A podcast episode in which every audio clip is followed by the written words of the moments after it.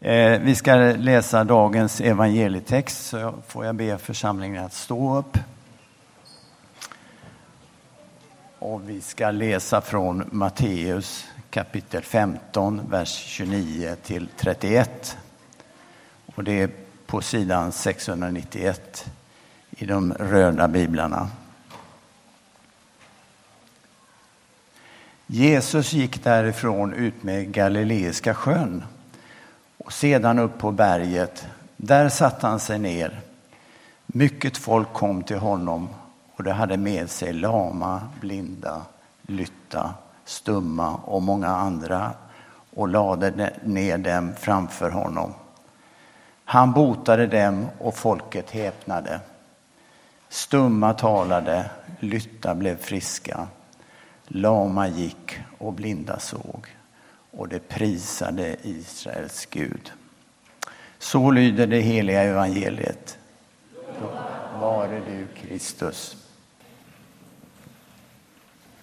Tack Gud att du är här, att du är närvarande i den här gudstjänsten. Och vi ber dig nu på ett särskilt sätt, helige Ande, att du ska tala till oss. Att du ska öppna våra hjärtan så att vi känner igen det som är ditt ord, ditt tilltal in i våra liv. Hjälp oss, Gud, att vara öppna för det som du vill säga till oss idag. Amen. Tacksägelsedagen är det idag. Andra söndagen i oktober så infaller den. Och de är en av de firningsdagar som har funnits under kyrkoåret sedan reformationen. Och från början så var detta en av fyra böndagar. Och de andra som har avskaffats, de andra tre, hade mer fokus på bot. Men nu har vi bara kvar den här som har fokus på tacksägelse. Och bibeltexterna som hör till den här dagen fokuserar på att lova och tacka Gud och det som Gud ger. Och temat är lovsång, precis som Johanna sa här i början. Tacksägelsedagen ligger alltid så här på året för att det ska ge ett tillfälle att också tacka för skörden, för det som jorden ger. Och det finns en tradition att man kommer till kyrkan och tar med sig det som man har odlat fram. Att man kommer med frukt och grönsaker och så delar man ut det alternativt säljer och skänker det till behövande. Och det ska vi inte göra i år, men vi symboliserar det här genom utsmyckningen på nattvardsbordet. Som en påminnelse om att allt det vi fått, allt det som Gud ger till oss genom jorden och att vi får tacka och frambära det inför Gud idag. Vi stadsbor lever ju ofta ganska långt ifrån jordbruk annars och ser sällan maten gå från jord till bord. Vi kanske har en och annan pallkrage i trädgården eller kanske på balkongen. Men det storskaliga, det som bygger vår kost, som vi liksom öppnar kylen och hittar, vad ska vi göra idag? Det har vi antagligen köpt i någon mer eller mindre trevlig matbutik. Kanske behövs den här dagen bara av den anledningen att få upp ögonen för och se värdet i det som naturen faktiskt ger oss. Och att genom den konkreta påminnelsen kunna stämma in i dagens psalm som vi hörde Markus läsa här innan. Du tar dig an jorden och ger den regn. Du gör den bördig och rik. Guds flod är full av vatten. Du får säden att växa du sörjer för jorden. Ängarna smyckas av fårjordar och dalarna höljer sig i säd. Allt är jubel och sång. Stora ord de där. Och inte helt lätta att be med i alla dagar. Allt är jubel och sång. Men Gud är livets källa och den som ger jorden dess frukt. Och kanske så är det det enda du får med dig härifrån idag och det vore gott nog. Det är en god anledning till tacksägelse. I dagens evangelietext så får vi vara med om när Jesus botar sjuka. Det är en kort och ganska koncis text som berättar om hur lama och blinda och stumma blir helade genom Jesus. Och vi får leva oss in i hur det var den där dagen uppe på berget. Hur folkskaran hade samlats och med sin längtan och sina behov kommer till Jesus och ber om hans förbarmande. Han agerar och sen är folkets respons att prisa och tacka Gud. Och det kan tyckas självklart. Har någon blivit botad så är det givet att också ge ära till den som gjorde det möjligt.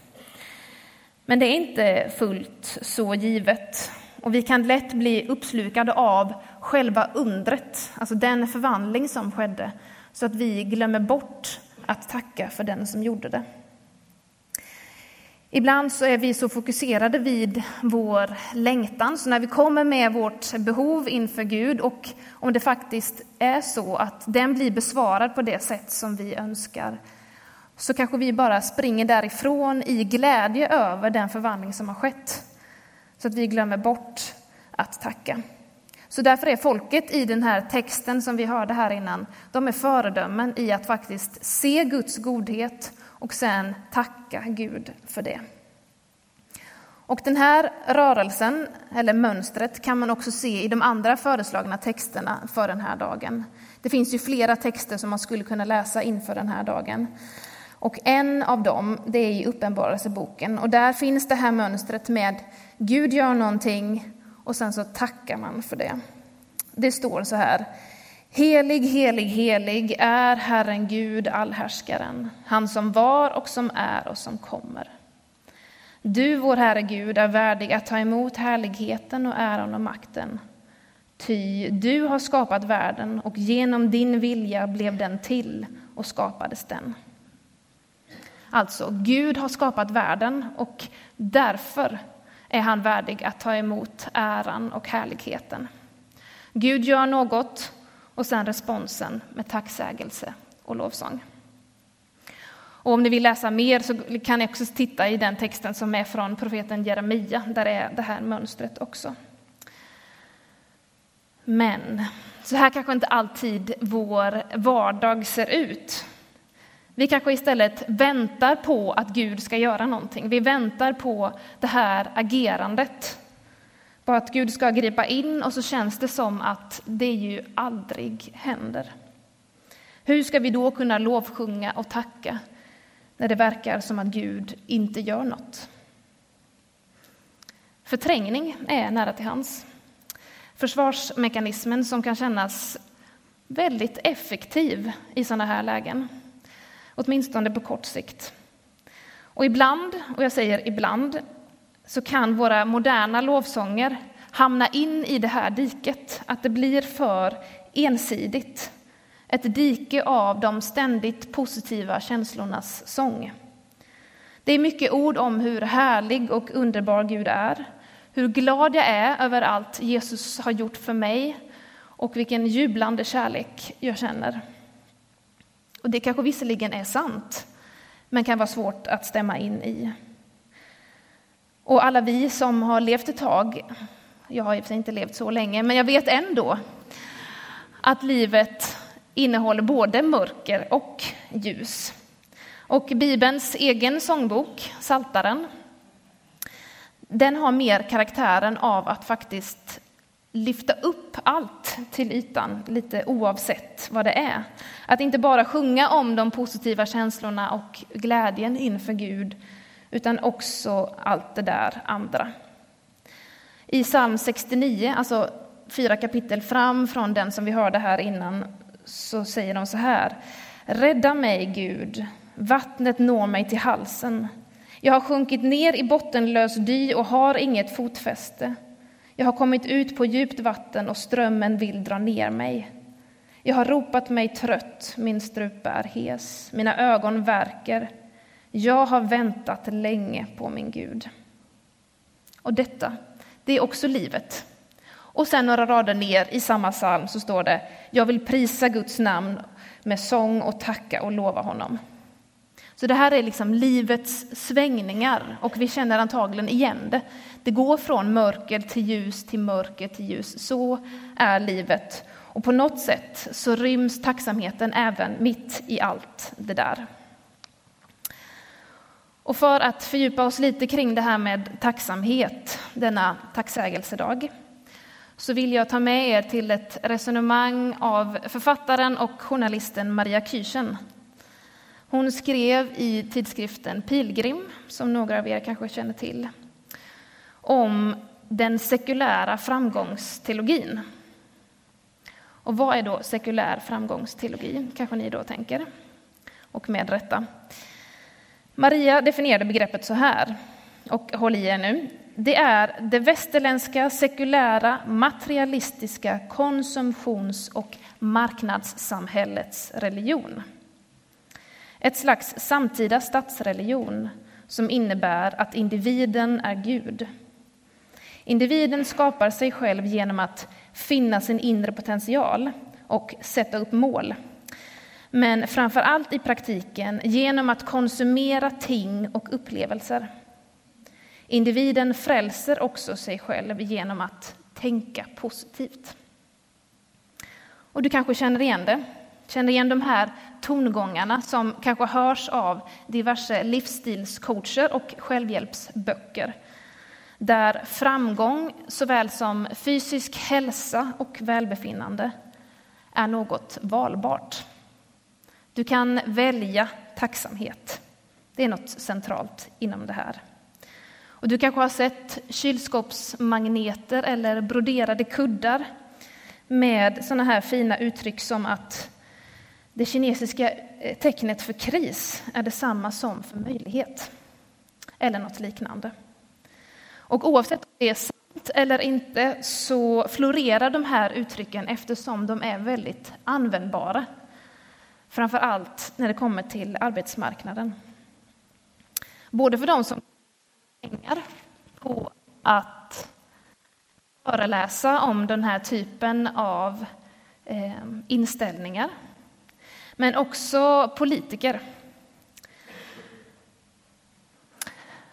De här uttrycken är användbara eftersom de innebär att skulden för eventuella missförhållanden läggs på individen och inte på omständigheterna. Så att prata om strukturella problem det skulle innebära att politiker eller arbetsgivare tvingas göra något åt saken. Så att se möjligheter eller att välja tacksamhet är en enkel och billig lösning. Att välja tacksamhet Eh, är också något som har smugit sig in i kristna kretsar. Och jag vill poängtera nu att när jag kritiserar synen på tacksamhet i vår tid så är det inte samma sak som att ifrågasätta tacksamhet i sig. För om det är något som är grundläggande inom den kristna tron så är det just tacksamhet och tacksägelse. Men det är mer i formen av ett tacksägelsens mysterium än att det handlar om individens val mellan olika sinnestillstånd, som på en marknad. I den kristna tacksägelsen så står korset och inte jaget i centrum. Och det kan tyckas vara en, en uppoffring, men jag tror att på sikt så inser vi att det är en befrielse. För om vi ska vara krassa så kan vi inte välja fullt så mycket som den här framgångsteologin vill få oss att tro. Vi kan välja elbolag och vårdcentral. Vi kan välja Oatly framför Arla och tycka att vi har gjort ett gott val som goda konsumenter. Men vissa saker i livet går inte att välja bort hur mycket positivt tänkande vi än försöker uppbåda. Sjukdom och lidande tillhör det här jordelivet och mörker och död, det kan vi inte välja bort hur mycket vi än önskar det. Och det är oerhört smärtsamt.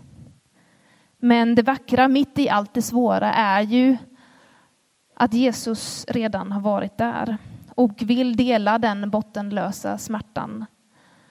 Han har utstått det värsta och han som är tröstens Gud kan bära din börda.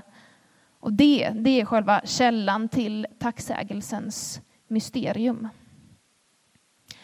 Och om vi vill borra oss djupare in det här mysteriet och förstå något lite mer av hur vi kan närma oss en grundläggande oflosklig, jag vet inte om man kan säga så, oflosklig tacksamhet eh, så är mitt förslag idag att vi ska vända oss till ökenfäderna och mödrarna. De här tidiga kristna asketerna menade, i kontrast till vår samtids livscoacher, att tänka sig till ett nytt sätt att leva är alldeles för svårt. Deras metod byggde på att göra annorlunda. Att koppla in kroppen och leva sig till ett nytt sätt att tänka. Och konkret så involverade de, involverade de kroppen genom att avstå från saker. De lämnade staden och gick ut i öknen. Och är det så vi ska öka vår tacksamhet, tänker ni? Att vi flyttar ut på landet och lever självförsörjande i små kommuniteter? Jag tycker själv att det låter som en mysig tanke, men det var inte det som var poängen med de kristna asketerna, utan de lämnade staden för att staden stod för ett visst system. Ett system för styrande av våra begär. Det var så de såg på staden och då lämnade de det systemet för att det inte räckte med ett nytt sätt att tänka för att öka sin tacksamhet till Gud. Och i vår tid så kanske det inte handlar främst om att lämna staden utan om att lokalisera vad är det för system som påverkar och styr mina begär. Och att öva sig i att avstå från det.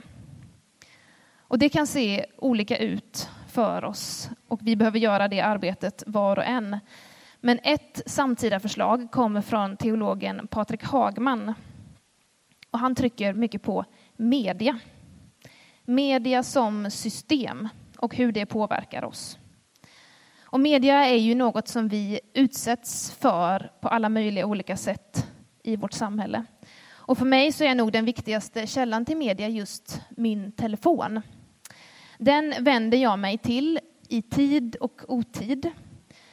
För eh, fakta, men också för inspiration, för kontakt, för inköp eller för underhållning. Och om jag skulle försöka ta kontroll över det system som påverkar mina begär och kanske specifikt göder min girighet så är det nog min telefon. För inte är det min tacksamhet som växer när jag scrollar genom flödet på Instagram eller Facebook.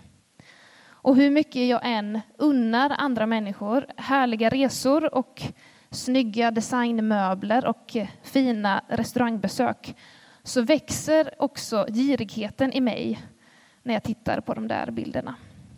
Jag får syn på min brist mycket mer än jag får syn på det jag faktiskt har. Och det är ju nästan en folksjukdom idag. Att vi hela tiden söker något vi inte har. Och när vi skaffat oss det så inser vi att det inte var vad vi sökte. Och så fortsätter den här jakten.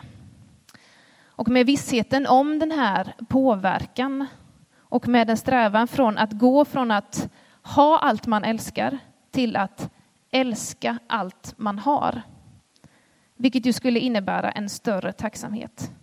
Att älska allt man har. Då kan vi följa i de kristna asketernas fotspår och koppla in kroppen och göra annorlunda. Snarare än att förlita oss på att vi kan tänka oss till ett nytt sätt att leva. För mig skulle det då eh, rent praktiskt innebära att jag faktiskt lämnar telefonen Kanske inte för gott, men åtminstone ibland. Att avstå från att använda den när jag umgås med andra. Att inte använda den för att fördriva tid. Eller kanske att begränsa tiden på vissa appar. För det andra så skulle jag praktisera tacksamhet. Att öva mig i det gång på gång. För om det är något som asketerna betonar så är det ju just övning. Askes betyder övning. Att öva sig i att se Guds ingripande. Att se det jag fått, att se det som jorden ger och Guds godhet mot mig genom det. Precis som personerna i dagens bibeltexter gjorde. Att uppmärksamma Jesu initiativ och sedan ge min respons på det. Och en hjälp, jag ska ge er tre, en hjälp kan vara att låta den andliga övningen examen, om ni känner till den, examen bli en del av din vardagsrytm. Övningen går ut på att blicka tillbaka på dagen och uppmärksamma Guds närvaro. Att helt enkelt tänka tillbaka på hur dagen har varit och notera detaljerna, känslorna, händelserna. Och så tacka Gud för dagens gåvor, för ditt arbete eller vad du nu gör, för människor som du har mött. Och så lägga märke till och så bli påmind om den godhet som alltid visas dig. Det är ett sätt att öva sig. Du kan också regelbundet umgås med människor som gör att du blir mer tacksam. Och det kan exempelvis vara personer som inte lever med samma privilegier som du gör. Som inte har samma blick på vad man kan ta för givet. Att medvetet prioritera relationer som hjälper dig att se vad du faktiskt har. Men du kan också som ett tredje exempel få in vanan att ta emot nattvard vecka efter vecka. Eukaristi, som de kristna kallade nattvarden, betyder tacksägelse. Och det är nästan nu så att jag skulle önska att det kinesiska tecknet för måltid är detsamma som för tacksamhet. Men det vet jag inte. Att söndag efter söndag få ta emot denna måltid är en bra praktik för att öva sig. Det är något vi gör med kroppen. Det sker fysiskt. Jag tar emot bröd och vin med min kropp. Och det sker oavsett omständigheter. Oavsett hur jag har haft det i veckan, oavsett mitt sinnestillstånd, oavsett min besvikelse eller mina tvivel så får jag ta emot. Oavsett mörker eller ljus. Och det är återigen tacksägelsens mysterium som gör sig påmint. Det utgår inte från att allt löste sig eller blev så som jag hade önskat. Utan det har en djupare förankring. En, ett grundackord som bygger på att Guds initiativ alltid kommer före. Före allting. Det är godhet och nåd. Hur svårt det än är att se och förstå det. Men vi kan stämma in i det som är kyrkans tro. Vi får stämma in i det som Kristi kropp har bekänt och bekänner söndag efter söndag efter söndag att Gud är alla goda gåvors givare. Även den ofattbara gåvan av evigt liv. Det är den guden vi bekänner och vänder oss till här idag. Han som var och som är och som kommer. Och vi föregriper den lovsången redan nu. Vi tackar inte bara för det som har varit, inte bara för det som är just nu, utan också för det som ska komma. Ty av honom och genom honom och till honom är allting. Hans är härligheten i evighet. Amen.